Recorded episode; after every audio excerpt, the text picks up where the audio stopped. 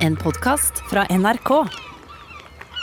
Velkommen til en eh, Utakt-podkast sommerspesial. Ja, den er satt sammen av litt nytt, litt gammelt og litt eldgammelt. Especially for you. Special price for you, my, my darling. Special, we want massage. Take it away.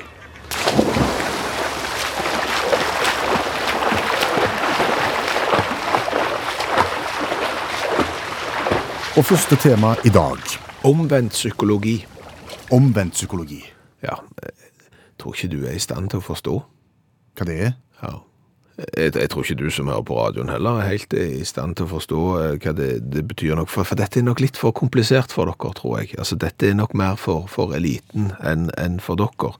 Så her er det nok best å bare innse sine begrensninger, og skal jeg være helt ærlig, så tror jeg at det, ingen kommer til å høre hele resonnementet som jeg nå har tenkt å fremføre. Jeg tror til og med, altså ingen kommer til å klare å høre hele resonnementet og være i stand til å forstå det som jeg skal snakke om nå. En kjempestart på programmet. Ja. Men det var et forsøk på omvendt psykologi. Definert som eh, det å fortelle en person noe som er det motsatte av det du vil at han eller hun skal tro eller gjøre. Ja, og, og derfor så vil jeg jo at flest mulig skal høre på det vi har å, å framføre, og høre hele utaktprogrammet. Men vi har jo levd i den villfarelsen at omvendt psykologi, det er noe som du bruker på unger. Ja, ja, det funker på unger som bare det. Ja. Jeg tror ikke du klarer å pusse tennene dine alene. Jo. Nei, jeg tror ikke du klarer å pusse tennene. Jo, for. Og så pusser de tennene alene likevel. Veldig god på den der. Lyden, du. Trassete barn. Ja. Sant? Og så er det sånn, jeg tror aldri du klarer å, å hente den flaska med brus i kjøleskapet på mindre enn 30 sekunder. Jo. Nei, det klarer du aldri. Jo, for tenk.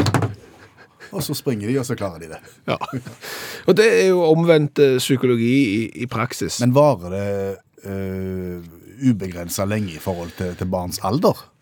vi har jo ikke trodd det. Nei. Vi, vi har jo som sagt levd i den velfarelsen at når ungene da blir eh, store nok til å avsløre at vi faktisk driver med omvendt psykologi, så er den eh, måten å gjøre ting på, den er over. Ja, han er jo for så vidt det. Nei, Den er ikke det. nei, fordi at det- vi voksne mennesker, vi blir utsatt for omvendt psykologi oftere enn vi faktisk aner, og vi går på limpinnen oftere enn vi har lyst til å innrømme, for det går en liten F i oss som sier nå skal jeg vise dem.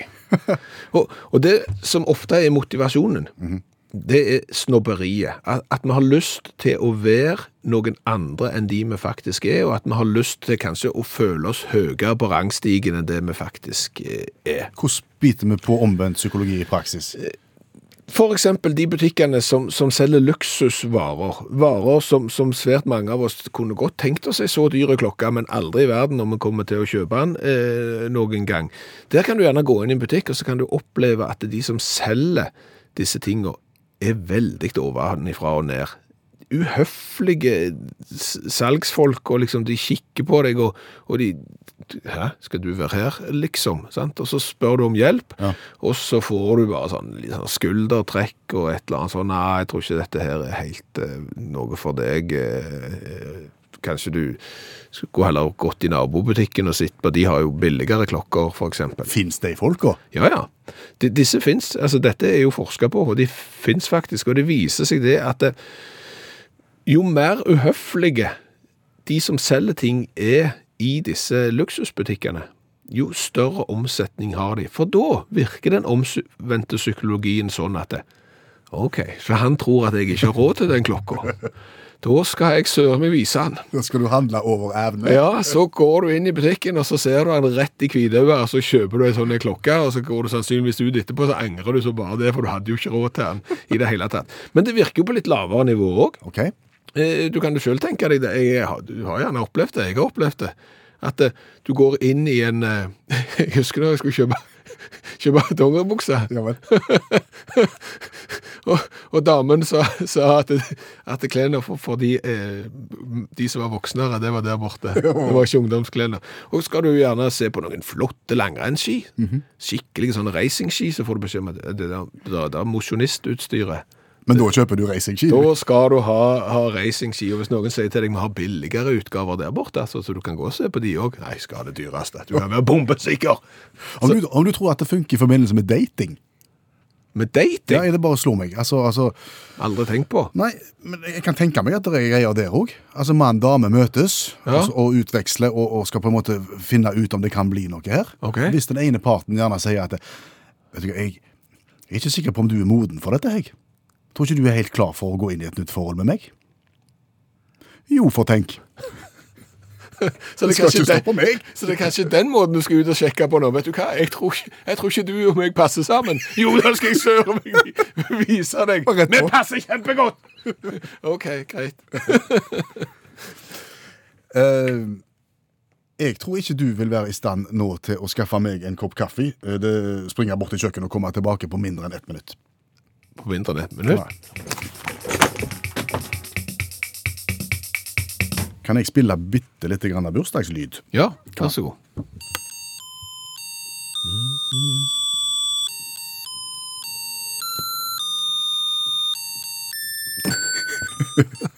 Han er vond hver gang. Det er den ene tonen der som er galen. Ja. Men, men det var det bursdagskortet sønnen din fikk når han hadde bursdagsselskap. Stemmer det. Sønnen min inviterte til bursdag. Folket kom, og en av de hadde med seg dette kortet med godlyden. Ja, eh, Når begynte selskapet? Eh, Det begynte klokka fire en, eh, en søndag. Fire en søndag, ja. Når var det slutt? Seks. 1800. Ja, det sto i invitasjonen. Ja da, det blir bursdag hos Eivind mellom, eh, eller fra klokken 16 til klokken 18. Gi beskjed på telefon sånn og sånn dersom du ikke kan komme. Ja, stemmer. Når slutter du å si når det er slutt, når du har selskap? Det forsvinner vel med barneselskapene, gjør det ikke det? Så det er bare barneselskap som har eh, til fra? Jeg- tror det. Ja. Det tar seg ikke sånn ut kanskje med Ja, men altså, Hvorfor ikke? Jeg etterlyser jo dette her jeg nå. fordi at det, i, i voksenselskap så er det jo veldig vrient å så si når det er slutt. og, og, og du har gjerne lyst til at folk skal, skal gå, for nå har det vært lenge nok. sant? Og så kan du jo altså, hva, hva tips er det liksom for å begynne å signalisere at det er slutt? Det er sånn, Begynne å geispe? Det er ikke høflig, det heller. Men ok, men hva tid tenker du da som voksen at du vil at det skal til slutt? Hva ville du skrevet? Nei, det, det kommer jo alt an på hva tid du begynner, men eksempel begynner du klokka åtte, så, så kan det være slutt eh, klokka tolv, for du skal jo gjerne rydde etterpå òg. Kom en dag i morgen Ja, ja, sant, og så blir det fort uh, seint, og folk har ikke Og dette er OK, det er ikke det største eh, problemet i, i verden, og jeg har ikke følt på det på kroppen fryktelig mange ganger, men, men jeg, jeg kjenner folk som i fullt alvor kjenner på det. Og, og det er ofte sånn at det er så hyggelig Ja. at folk ikke vil gå. sant? Så det er jo egentlig et skussmål til verten om at dette er kjempegøy, Ja. men, men du får det ikke til å gå. Og så drar det seg ut. Og vet du hva det varte helt til? De ville jo ikke gå, vi hadde det så kjekt. sant? Og dermed så kanskje det er behov for uh, Men hvordan tror du for omverdenen hadde reagert da, hvis du hadde som, som voksen operert med fra og til fest? Nei, det, det er klart at du hadde jo nok fremst det, det er nok litt sosialt selvmord. Det er det nok. Du, du fremstår nok litt eh, Du føler deg gjerne ikke så velkommen hvis det hadde stått at jeg skulle for eksempel om noen år feire 50-årsdagen min og begynt klokka åtte, og det var slutt klokka tolv. Og folk begynner sånn Nei, kvart på tolv. Det sto jo i, Ja, det var, det, begynnelsen. det var slutt nå. Og kanskje de må få foreldrene til å kom- komme og hente dem. sant? Kommer mor på 85 og, og henter poden på 55, for det var jo slutt klokka tolv. Har, har dere hatt det kjekt, spør mor Ja. på 85. For det er jo greia, når du har barneselskap, da, kommer jo folk, eh, og de pleier å være veldig presis. Ja. Eh, Nesten alle henter ungene sine på, på rett tidspunkt. Ja, veldig godt at du sa nesten. Ja, for det, for det er alltid et par unntak. Ja. De henger igjen, og de må gjerne være med oss arrangører og rydde, og de må vi liksom sysselsette med et eller annet. Og til slutt så må du eventuelt ringe foreldrene og be de komme og hente de. Jeg ser ikke vekk ifra at du vil finne det i voksenselskapet ditt òg. Nei, det er nok de, De som til tross for har lest at det er slutt klokka tolv, Mm, bare blir værende. Ja, jeg, jeg har jo, og dette er fullt alvor, jeg har jo vokst opp med en kamerat som kun kunne gå på hele og halve timer. Altså, var, det var det et slags sånn eh, tvangstanke? Ja, kanskje, vet ikke jeg, men, men Kanskje. jo, men altså, sant, enten så går du klokka heil, eller så går du klokka halv, du kan ikke gå hvert over, eller 17 minutter over, eller et eller annet sånt. Og det er klart at når du da har det så kjekt, at du har bestemt deg for å gå heil, men så glemmer du ut at du skulle ha gått heil fordi det var så gøy, mm. da må du gå halv. Og da gjentar jo dette seg. At det var så kjekt at jeg kunne jo ikke gå halv, for da var jo blitt fem over halv. Så måtte du vente til hel igjen. Ja. Og sånn gikk det jo i noen timer. Så fikk han jo aldri ut. Et annet problem er jo at eh, hvis du da i utgangspunktet har satt fra, fra, fra åtte til, til midnatt, Ja. Og så opplever du òg at det- når, det er midnatt Nei, vet du hva, nå har vi det såpass kjekt. Dette var jo Det er for tidlig å gå nå. Ja, det- Hva gjør du da? Ja, det er ødeleggende for eget Må du, argument. må du dementere egen innbydelse? Ha, hallo, hallo alle sammen. Jeg ser at det står klokka tolv, men nå har vi det såpass gøy. Vi fortsetter én time til. Jeg utvider én time mot at alle er med og setter inn i oppvaskmaskinen etterpå.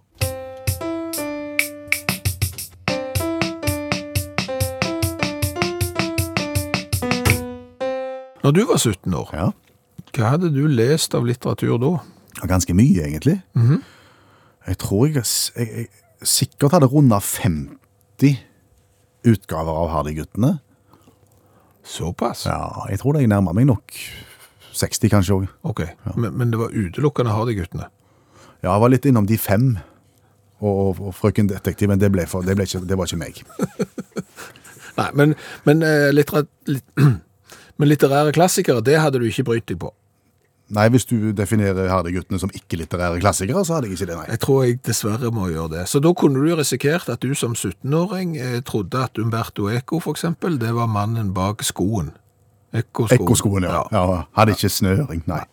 Så det må vi jo gjøre noe med eh, for deg og alle andre som har håler i den klassiske litteraturen sin. De må vi fylle. Yes. Derfor så henter vi inn professor Janne Stigen Drangsholt, som leser de viktige bøkene for oss, og så lærer de til oss, og til deg som hører på radio. Det tar fire minutter bare.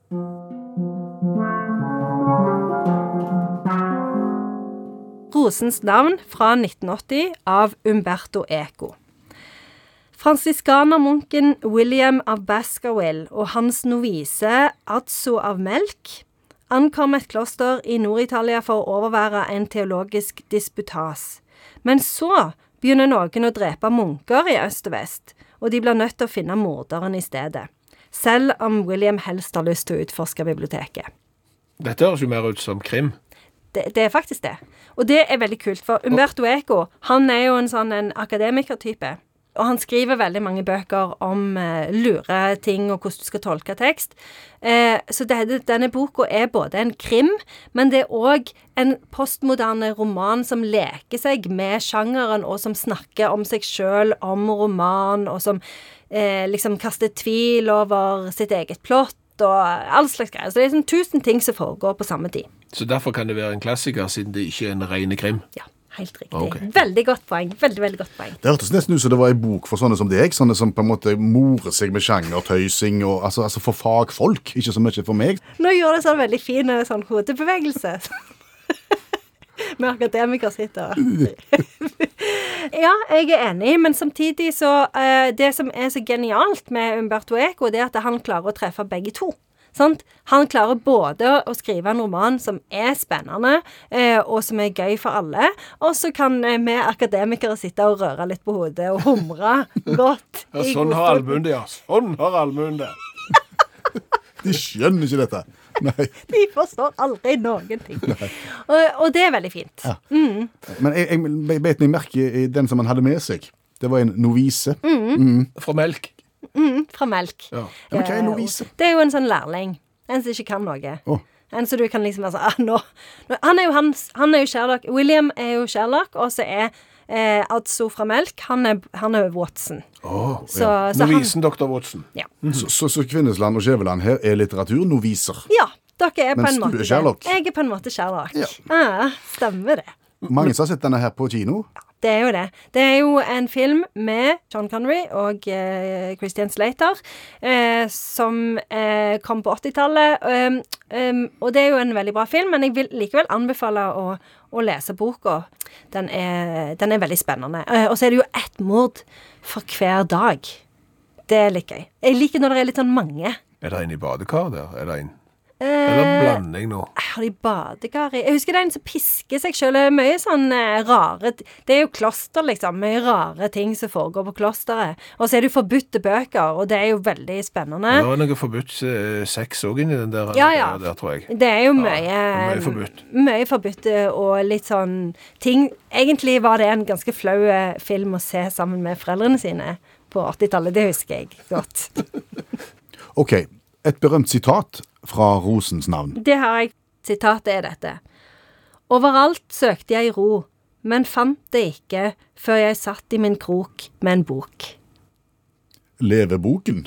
Ja, på en måte. det er på en måte det. Det er egentlig det denne romanen handler om. En hyllest til litteraturen. Ja, faktisk. Mm, den gode historien. Klarer du å oppsummere Rosens navn? Ja, hvis du ikke har lyst til å eh, lese Sherlock Holmes og Dr. Watson eh, skrevet av sir Arthur Conan Doyle, så kan du heller ta Umberto Eco sin eh, Rosens navn, for det er litt det samme. Det er mysteriet og noviser. Ja. Jeg syns spesielt det der med noviser. Jeg synes, bruker det ordet altfor sjelden. Det må vi ta tilbake. Ja, Men du har ikke lyst til å være novise? Nei, men du ikke har lyst til å kalle andre for det. Syns jeg likte når dere sa at dere var noviser, at jeg var Sherlock Holmes. Sånn, det, det bør vi bruke. Det bør vi snakke om mye mer. det er Tusen takk. Tusen takk, Janne Stigen eh, Drangsholt Holms. Litteraturviter og forfatter. Har du lyst å høre om den ultimate klesbutikken, den, den ultimate skobutikken, den ultimate gullsmeden og den ultimate undertøysbutikken? Det var mye på en gang, men Ja. ja, har kjempelyst til å høre om det. Ja, Det, det var dumt, for han fins ikke. Nei. Nei. Da sier vi tusen takk. Jo, men, men han burde finnes. Ja. Eh, og, og det her utakt eh, kom inn eh, igjen. Som et framoverlent program. Ja, på, på grensen til, til vel framoverlent, eh, men det er så proaktivt at det finnes ikke grenser for det. Men, men her må jo alle gründere, alle som har en butikk, de må høre godt etter. For, for det her tror jeg vi har en løsning. Ok, spørsmål først. Ultimat for hvem? Ja, for alle. For både menn og kvinner? Unger og barn, nei, nei, nei, ja, menn og kvinner. Ok. Eh, fordi at det, er jo det som jo ofte er problemet, at en butikk som er ultimat for én, ikke er ultimat for en annen. Nei. Og det handler jo om en interessekonflikt som ligger der. Og den, den her ideen unnfang jeg, unnfang jeg i helga. For det er klart at det, når du da har vært på shopping, Ja. sant? og du er inne i skobutikk, Du er sammen med fruen? eh, og, og flere, og, og så er du i skobutikk, og så er du i skobutikk, og så er du i skobutikk, og etter tre kvarter så er du fremdeles i skobutikk. Altså det er jo, for å si det sånn, livsgnisten har forsvunnet for lenge siden. Hvis, hvis det hadde kommet inn en doktor med hvit frakter inn i skobutikken og så sagt, Skjæveland, har fått resultat av prøvene dine. Det, det ser ikke godt ut. Du har ti minutter igjen å leve. Så hadde du tenkt, ja ja, sånn er det. Det er ikke... Det er ikke alltid det går veien. Du hadde ikke, altså, du hadde ikke tatt det ille opp. Så, så, så galt er det. Og det er da ideen om den ultimate butikken oppstår. Hva kan en gjøre med den skobutikken da, som gjør det levelig for deg? Du, du kan jo lage et hjørne i den butikken som er skreddersydd for de som ikke skal være i butikken. Eh, I dette tilfellet oss mannfolk. Er dette en dameskobutikk? skal vi Ja, si? sant. Eh, Og dette her kan du overføre til gullsmed, som jeg sier, til undertøysbutikk, til, til andre dameklesbutikker og sånn. Okay. Du, du setter av et eget område til mannfolk. Og så vil du gjerne si ja, men det har noen gjort. Ja, for det har noen gjort. Ja, der sa du det. Ja. Eh, De har jo for så vidt det. Og hvis du går inn i en butikk og ser to lenestoler, så tenker du å, her er mitt område. Men, men det er ikke nok. Fordi at det, to lenestoler i hjørnet av en klesbutikk, etter ti minutter så er ikke det gøy lenger. Sant? Nei, du er lei av det òg. Ja, så, så du, du må lage et tilbud. Du må ha et underholdningstilbud. Riktig det. Eh, og, og er det eksempel en plass, eh, bare, bare tenk deg nå, bare helt fritt, eh, og det kan være i London, det, det kan være i andre byer, det kan være hvor som helst, tenk deg en plass der du vet at mannfolk kan tilbringe mange timer uten å gjøre noen ting som helst. Hva er det? Hvor det er. Ja. Det er foran TV-skjermen. Ja, det er foran TV-skjermen, eller Ja, Hvis en har fått seg noe godt i glasset. riktig det. Mhm. Sport på TV. Stemmer det. Så, så det vi jo da gjør, vi tar et lite område der. Vi lager den rett og slett opp, om til en sportspub, på en måte. Ja. Du, du legger fram litt bilmagasiner. Du, du har en bardisk, du serverer eh, et representativt utvalg av, av god drikke. Mm. Du viser sport på TV, som du sier, fotball hvis det er det, langrenn, eh, utfor, alt det, det Kan du ikke bare da sette deg på en pub i, i nærheten Nei, av du kan jo ikke det, for det er jo, det er jo demonstrativt, sant? Du må jo følge med. Og, og, og det som er greia her, mm. du, må ikke, du må ikke lage en pub eller et, liksom, et sånn aktivitetsområde for menn som er atskilt fra butikken. Det må være en viss visuelle kontakt, fordi du skal på gitte tidspunkt, så skal blikket møte den som er ute og handler, Ja. og så skal du nikke anerkjennende, selv om du ikke aner hva det er du nikker anerkjennende. Den er sikkert grei, den òg. Ja. Sant? Det er den du må ha. Så derfor så må du være i samme butikken. Ja. Og hvis du har dette tilbudet her, så kan jeg, kan, jeg, kan jeg garantere at butikken kommer til å komme ut på topp. De kommer til å øke omsetningen radikalt. For du kan risikere det, faktisk. At vi som mannfolk, og du kan snu det på hodet, du kan lage et tilbud til mannfolk med, med damehjørner i butikk òg, at du kan risikere at de som egentlig kjører hjemme i butikken, har lyst til å gå der. Jeg kunne sagt at du kan, skulle ikke gå ned i den skobutikken. Ja. Ja, men de selger bare damesko. Det gjør ingenting. Ja, du, jeg trenger ikke damesko, nei, men, men det dreier mye fint. Det er sikkert noe salg nå. Gå ned, og så ser du. Ta den tida du trenger. Så, du ser at det er genialt? Ja.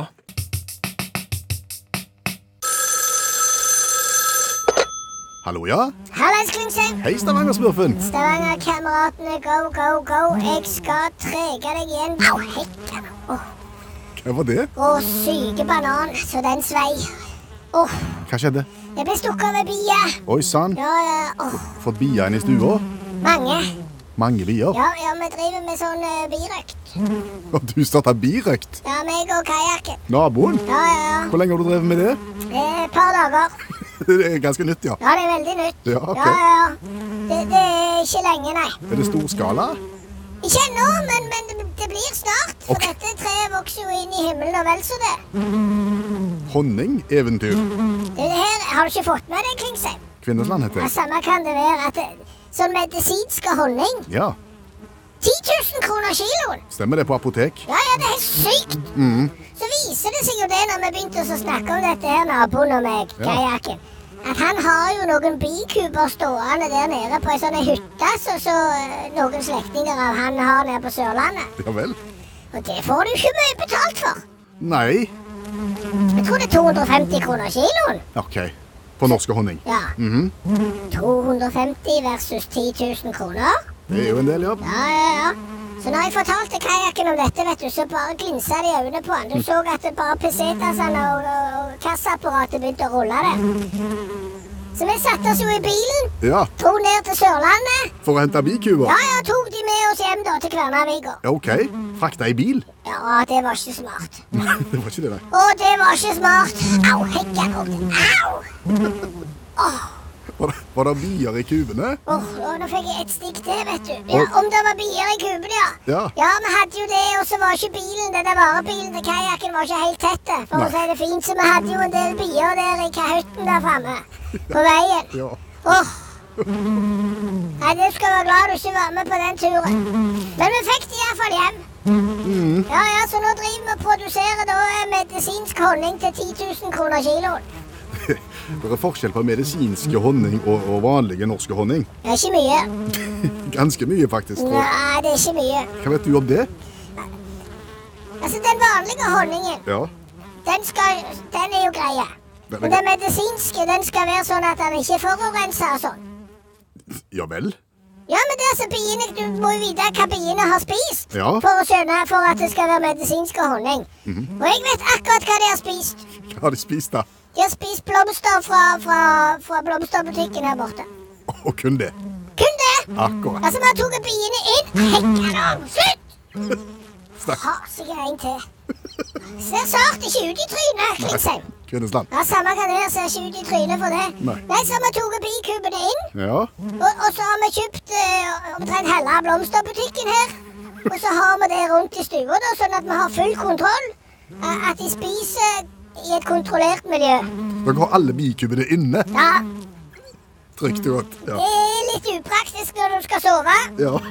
Så jeg har jo fått meg sånn myggnetting over hele senga, for å si det sånn, for å, å ligge helt mest mulig i ro. ja.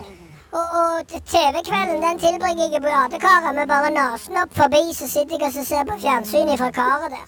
Det er det tryggeste. Men hva gjør du ikke for 10 000 kroner kiloen? Nei, det kan du ikke. Men, men, men hvordan kan du vite at denne her virker. At det er medisinske honning du, du har framstilt? Det, det har jeg prøvd. Du har prøvd det? Ja, ja, du vet hvorfor du har sånn medisinsk honning. Ja, det er jo fordi du kan legge den på sår, så har den en antibakteriell effekt og den slags. Riktig, det er sånn multiresistente bakterier og sånn. Og, for å si det sånn, har du sett kajakken? Nei, jeg har ikke det. Han har noen leie sår. Å herre, min, han har fått noen leie derfra. Jeg vet ikke hvor han har fått det hen, det ser ikke ut, vet du. Så de har jo væska seg, og de er ikke gode. Nei. Så, så der har vi smurt på honning, og de er mye bedre nå. Er det ja? Ja, ja, de er mye bedre. Han er mye blidere og ikke så sulten heller lenger. Men det var to-tre dager dere hadde holdt på, sa du? Ja, Ja, ja. så det er litt igjen. Men 10 000 kroner kiloen. Nettopp. Litt. Litt upraktisk. Men eh, OK. Har han fått navn, denne honningen? Stavanger-smurfens eh, mirakelhonning mot multiresistente bakterier. Go, go, go. Det, var- langt. Det er mulig jeg må finne noe kortere. Jeg tror kanskje det. OK. Snakkes! Hikka dere til beina igjen, altså. Fasiken. da. Ha det godt. Ha det!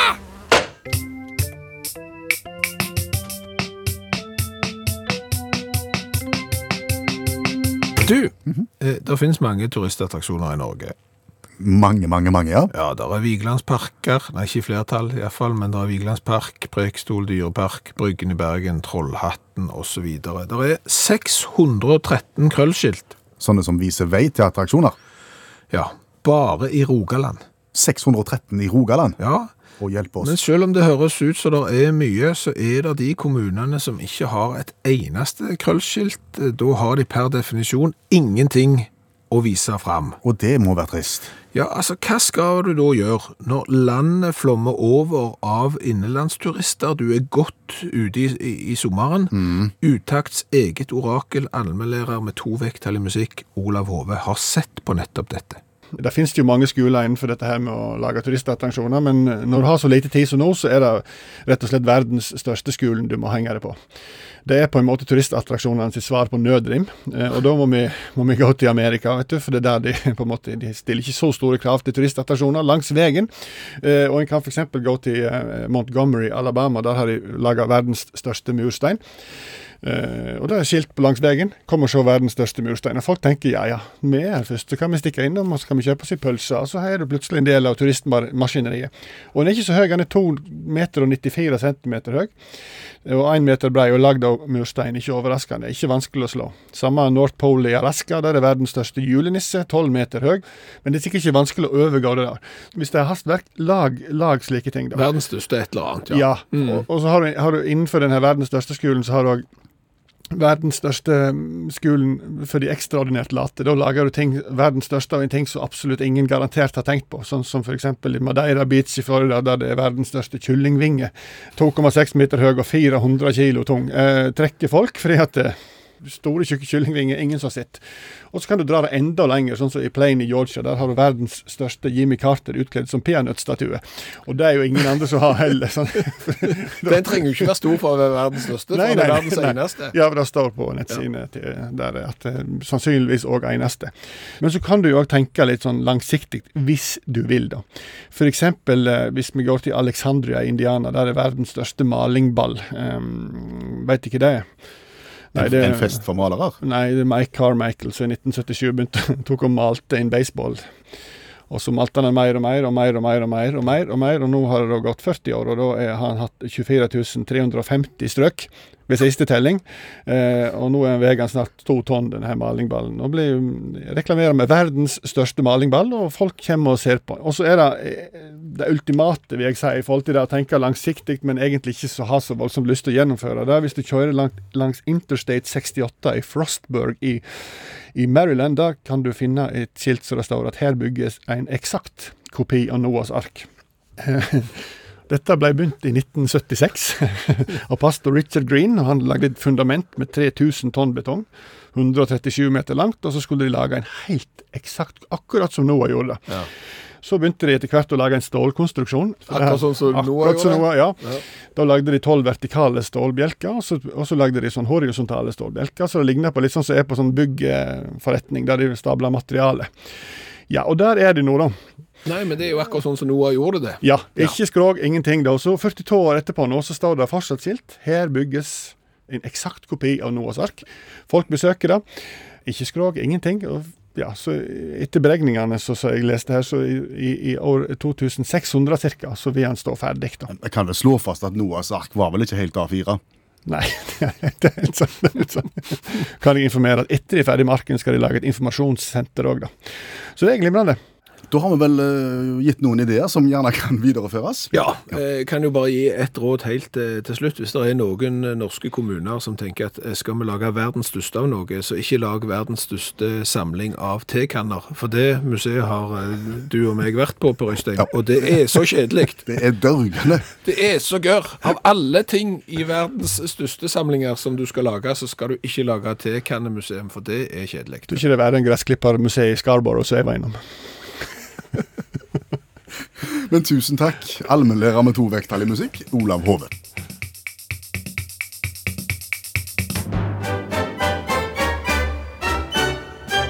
Wir spielen gezwungenes deutsches Karaoke. Tvungen til skauke. Ja.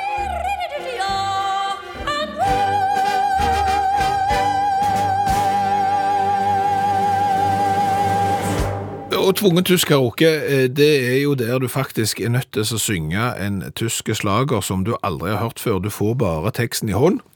Så starter du karaokekompet, og så er det å synge etter beste evne. Og da må jo jeg sjekke først, siden det er deg som skal prøve deg. Jeg skjønte det. Ja, Har du hørt uh, Tippi Tippi Tipso Tippi tippi tipso. ja, av eh, Katarina Valente? Nei. Nei. Det er et rungende nei. Ok, eh, da skal du få synge den, men før du synger den, så må jo du som hører på radio få lov å høre den først, for det er jo liksom fasiten. Ja.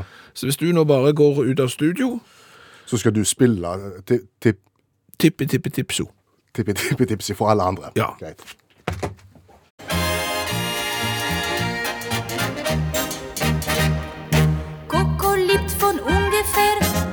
Gebratenes Beefsteak sehr.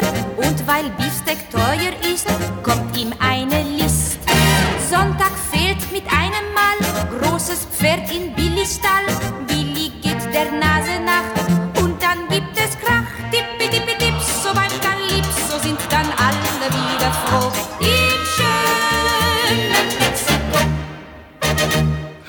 Det var tippe-tippe-tippsode av eh, Katarina Valente, og eh, Per Øystein er kommet inn igjen. B Bare fortell bitte litt om den eh, sangen du skal, skal synge. Katarina Valente, Ja. eh, fransk født, italiensk eh, sangerinne, og så var hun flerspråklig. Å ja. Snakket seks språk og sang på elleve. Men sangen jeg skal synge, er på tysk. Ja, ja, fordi at hun sa, den sangen som du skal synge også, finnes også på andre språk enn tysk, men hun har sunget den på tysk. Eh, Bakgrunnen for eh, hennes eh, tyskspråklighet, og, og at hun hadde tysk pass en stund, det var at hun var gift med en eh, tysk jonglør. Ja vel. Eirik van Aro. Han, oh, ja. han var snare til å sjonglere. Eh, Men da er det jo egentlig bare å si eh, egentlig klar, ferdig, gå. Du skal få bitte litt sånn klang, som vi skal høre. Hei, hei. Jeg må få teksten. Jo, ja, teksten, ja. Oh, er, er, äh, äh, du klar? Tippi-tippi-tipp, tippi-tipp, tippi-tippi-tippso. Ja.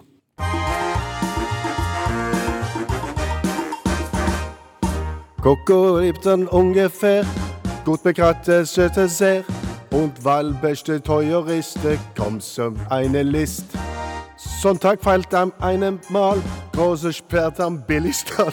Billige dann Nase nach und dann gibt es ein Kreischer.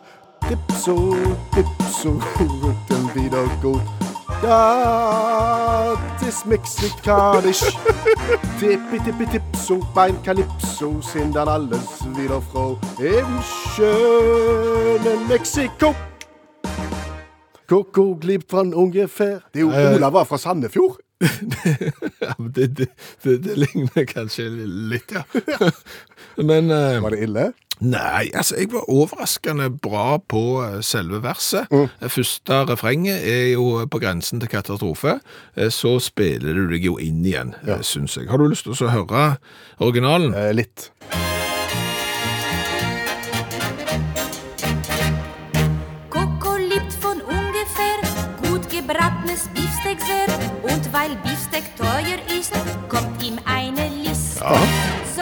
Sonntag Før fehlt fra Sandefjord. Han var lett matros om bord. Skuta gikk til Engeland, og i land gikk han. Her var jeg inne. Ja, på Hørte verre. Hørte verre, eh, men du fikk eh, sansen for tippi-tippi-tipso. Bare- det å komme på og så skrive en sang som heter Tippi Tippi Tipso. og vi kommer aldri etter dette til å glemme Tippi Tippi Tipso, som vi har hørt i Gezwungenes deutsches Karaoke.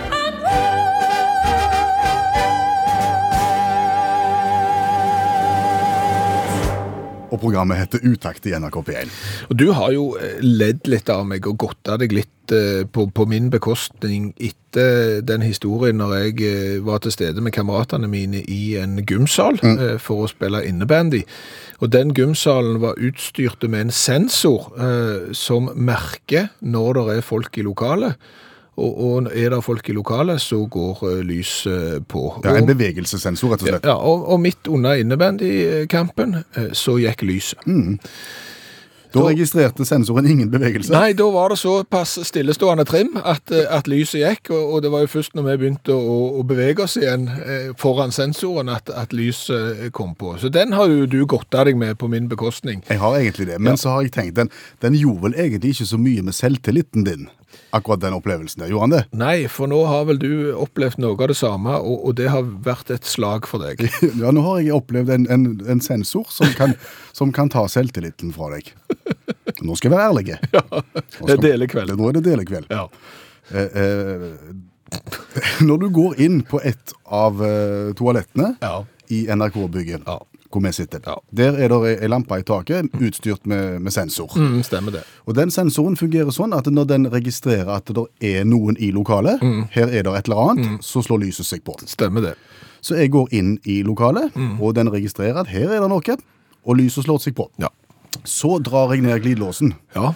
og, og finner fram. ja. Er det fisking eller vipping du Det, det, bedriver? det er fisking. Det er fisking.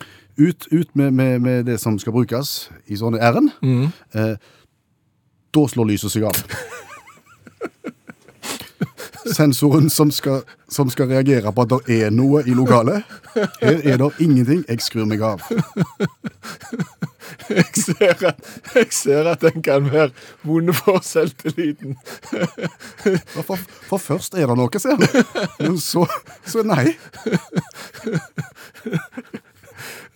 Så, så lampesensor kan knekke en mann. Ja, ja, men ok. Eh, og det er klart, nå har jo du hengt deg opp i, i, i den ene forklaringen, ene plausible forklaringen. Det er på en måte at tilstedeværelsen av ting blir ikke detektert, ergo du, ja, mm, sant? Ja, eh, Jeg finner ingenting selv. nei, nei, der er, der er ikke nok der, eh, på en måte. Og det er jo nok til å knekke deg. Eh, Men det kan jo hende, hvis jeg skal prøve å hjelpe deg med å tenke positivt her, At det er en annen forklaring. ja, det, det kan jo være at, eh, at han som jobber inne i sensoren, OK, da sitter en mann der. Ja, ja, det gjør det jo. Ja, ja, det er jo en der som skrur av og på. Eh, det, er, det er onkelen til, til han som sitter, han som jobber inne i kjøleskapet. Ja, Der sitter det òg en mann. Der er det en, ja. Når du åpner kjøleskapsdøra, så er det jo en mann som, som ser at nå går kjøleskapsdøra opp, så nå må jeg skru på lyset. Ja, ja. Og så lukker du igjen, så skrur han av.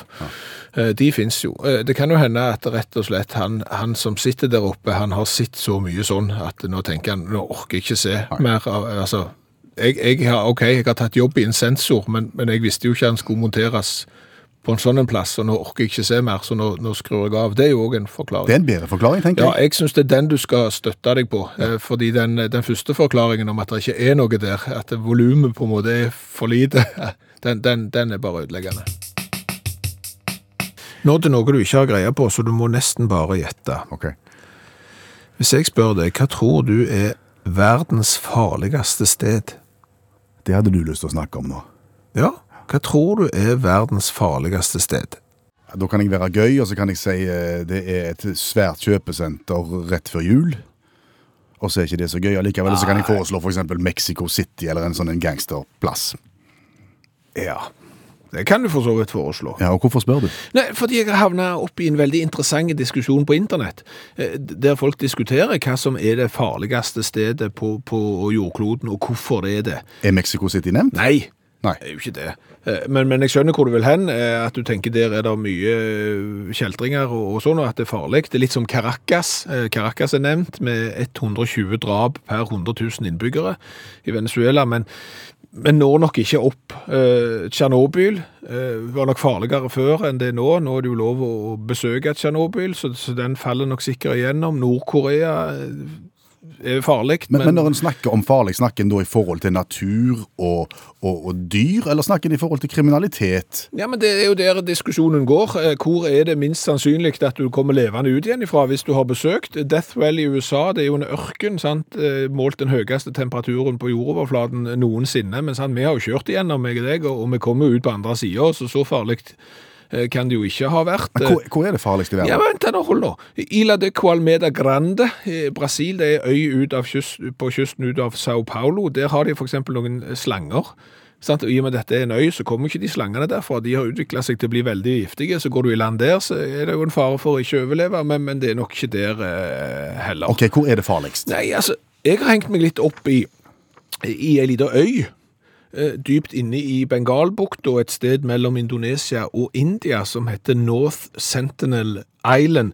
Ei, ei drøyt 70 kvadratkilometer store øy, vet du, med hvite strender og asurblått hav og, og korallrev rundt. Det er sånn en øy så du tenker at her vil jeg gå i land hvis du seiler forbi. Nei, det vil du ikke. Nei. Det, det er ikke lov å gå i land. Eh, For det første så er det jo farlig å, å gå i land, eller å prøve å gå i land, fordi at dette korallrevet rundt, det gjør jo at store båter ikke klarer å legge til. De går gjerne på grunn og, og, og synker, og, og bølgene og alt sånn rundt, hvis du kommer i småbåt, eh, gjør at det er farlig Men det, er å prøve seg. men det er ikke derfor det er verdens farligste sted? Nei, det er jo bare en liten del av det hele. Eh, Du kan si at de som bor der, har ikke vært i kontakt med folk på en stund. Bare seg sjøl? Bare seg selv, ja. Eh, antropologer mener at det kan ha bodd folk på denne her øya og denne North eh, Sentinel Island i, i 65 000 år, og at de ikke har hatt eh, kontakt med omverdenen på, på, på så lange tid. Er det mulig? Ja, det, det er faktisk eh, mulig. Og, og dermed så har indiske myndigheter sagt at det er ikke lov å gå i land. Nei, fordi at de som bor der ikke vil sette spesielt stor pris på det? Eller? Ja, det er både og. Det er sånn et tosidig sverd, og du vet hvordan det er med tosidige sverd. De er skarpe på begge sider og sånn, sant? Eh, Det er litt for å beskytte de som bor der, for hvis du hadde kommet eh, og vært litt forkjølte, så er jo faren for at de 65 000 årene disse menneskene har bodd der, ble de siste, for da fikk de plutselig sykdommer som de ikke hadde hatt. Oh, ja. Men mest sannsynlig òg, så er det for å beskytte deg. Fordi at de hadde gått løs på meg hvis jeg hadde gått i land? Det er sannsynligvis verdens farligste plass, ja. Fordi at sjansen for å overleve hvis du har satt dine bein på denne hvite sandstranda, er mindre enn en halv prosent. Er det noen som har prøvd? En, ja, mange som har prøvd, og det er bare én som har kommet fra det i live, for å si det sånn. I, i eh, 1867 så var det 86 skipbruddene fra et indisk skip som, som gikk i land. Én overlevde. Fordi de andre ble drept? De andre ble rett og slett drept av lo lokalbefolkningen, og, og det er ingen som vet hvor mange de er heller. Fordi at du, du, du observerer de kun fra, fra skip eller fra helikopter, så om de er liksom 45 stykker eller 72 stykker eller 115, det er litt vondt, vondt å si. Og, og så skjedde det samme igjen 114 år etterpå. Da var det òg en båt som gikk på grunn, men, men de, da var det så dårlig vær at de gikk ikke i land på strand. Og det tror jeg var lurt. Eh, Fordi at eh, når været bedra seg bitte litt, så, så kom de lokale eh, liksom mot dette skipbruddene av skipet, og, og, og tenkte ja, nå skal vi få hjelp. Men det fikk de ikke. De angrep de. Men de ble heldigvis redda i siste liten da av et uh, helikopter som heiste vekk alle de som var om bord i båten. Men det vraket ligger da ut forbi der ennå. Er det noen gang henta ut noen mennesker fra øya av de innfødte, og, og tatt dem med ut i den vanlige verden? En gang, eh, for 300 år siden, eh, så engelskmennene var jo fele til å farte rundt vet du, med båt og ta med seg ting og sånn, så de tok med seg tre innfødte og tenkte, men nå skal vi vise dere London. Der er det musicals og fotballkamper og, og alle tiders kjekt i helgene, sant? Så tok de med seg tre stykker, eh, og de ble jo da syke, for de fikk jo forkjølelse og sånne sykdommer som de ikke var eksponerte for, så de døde jo eh, kort tid etter de var kommet til London. Dermed så tok de med seg lik og tilbake igjen og skulle begrave dem, med den følge at de som tok med seg lik, og de ble jo drept sjøl. Så, så, de, òg er et eksempel på at folk ikke kommer fra den øya i live. Under tsunamien i 2004 så tenkte indiske myndigheter nå må vi se om det har gått greit med disse her ute på, øya, og vi tar med litt proviant som vi eventuelt kan slippe ned. De ble jo, helikopter ble da angrepet av piler og spyd. Eh, og disse to stakkars eh, ulykkelige fiskerne som i 2006 eh, tjuvfiska ut forbi området her, når kvelden kom så ankra de opp. Skulle ikke ha gjort det. Eh, jo, men de skulle hatt et eh, bedre anker, for det røyk. Og i løpet av natten så drev de da i land på den øya, og det var det siste de gjorde. Nå ligger de og begravde. Så den eh, farligste plassen på jorda, etter det jeg har grunn til å tro, det er North Sentinel Island. Der er ett menneske som har satt sitt, eh, sine fotavtrykk på den øya, og som har kommet derfra i live. Du har hørt en podkast fra NRK. Hør flere podkaster og din NRK-kanal i appen NRK Radio.